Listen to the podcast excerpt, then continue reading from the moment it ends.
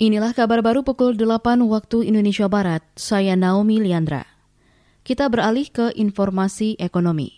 PJS Corporate Sekretari PT Pertamina Patra Niaga Irto Ginting menyatakan stok Pertalite aman.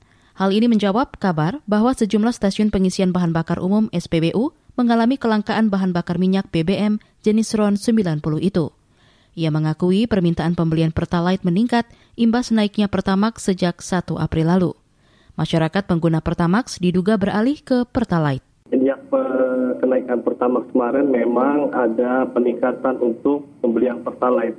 Kami pastikan di sini bahwa stok kami itu cukup dan kami tidak membatasi. Kita akan memenuhi semua kebutuhan di uh, eh, SPBU. Bahkan terminal kami beberapa juga standby 24 jam untuk melayani SPBU. Irto menjamin bahwa Pertamina akan terus mensuplai Pertalite ke semua SPBU dan akan memenuhi semua kebutuhan Pertalite untuk masyarakat. Sehingga ia meminta agar masyarakat tidak khawatir dan membeli BBM dengan jumlah berlebih. Pemerintah Provinsi Pemprov DKI Jakarta berencana menjadikan Jakarta International Stadium JIS sebagai salah satu lokasi salat Idul Fitri 1 Syawal 1443 Hijriah. Namun Pemprov belum bisa memastikan apakah kegiatan ini akan dilakukan di dalam stadion utama atau di luar stadion utama. Kepala Biro Pendidikan Mental dan Spiritual Dikmental DKI Jakarta, Gunas Mahdianto, kepada Antara menjelaskan, selain akan menjadi lokasi sholat id, Pemprov DKI juga berencana mengadakan festival malam takbiran di JIS. Sebelumnya, pembangunan mega proyek Jakarta International Stadium sudah mencapai 98 persen.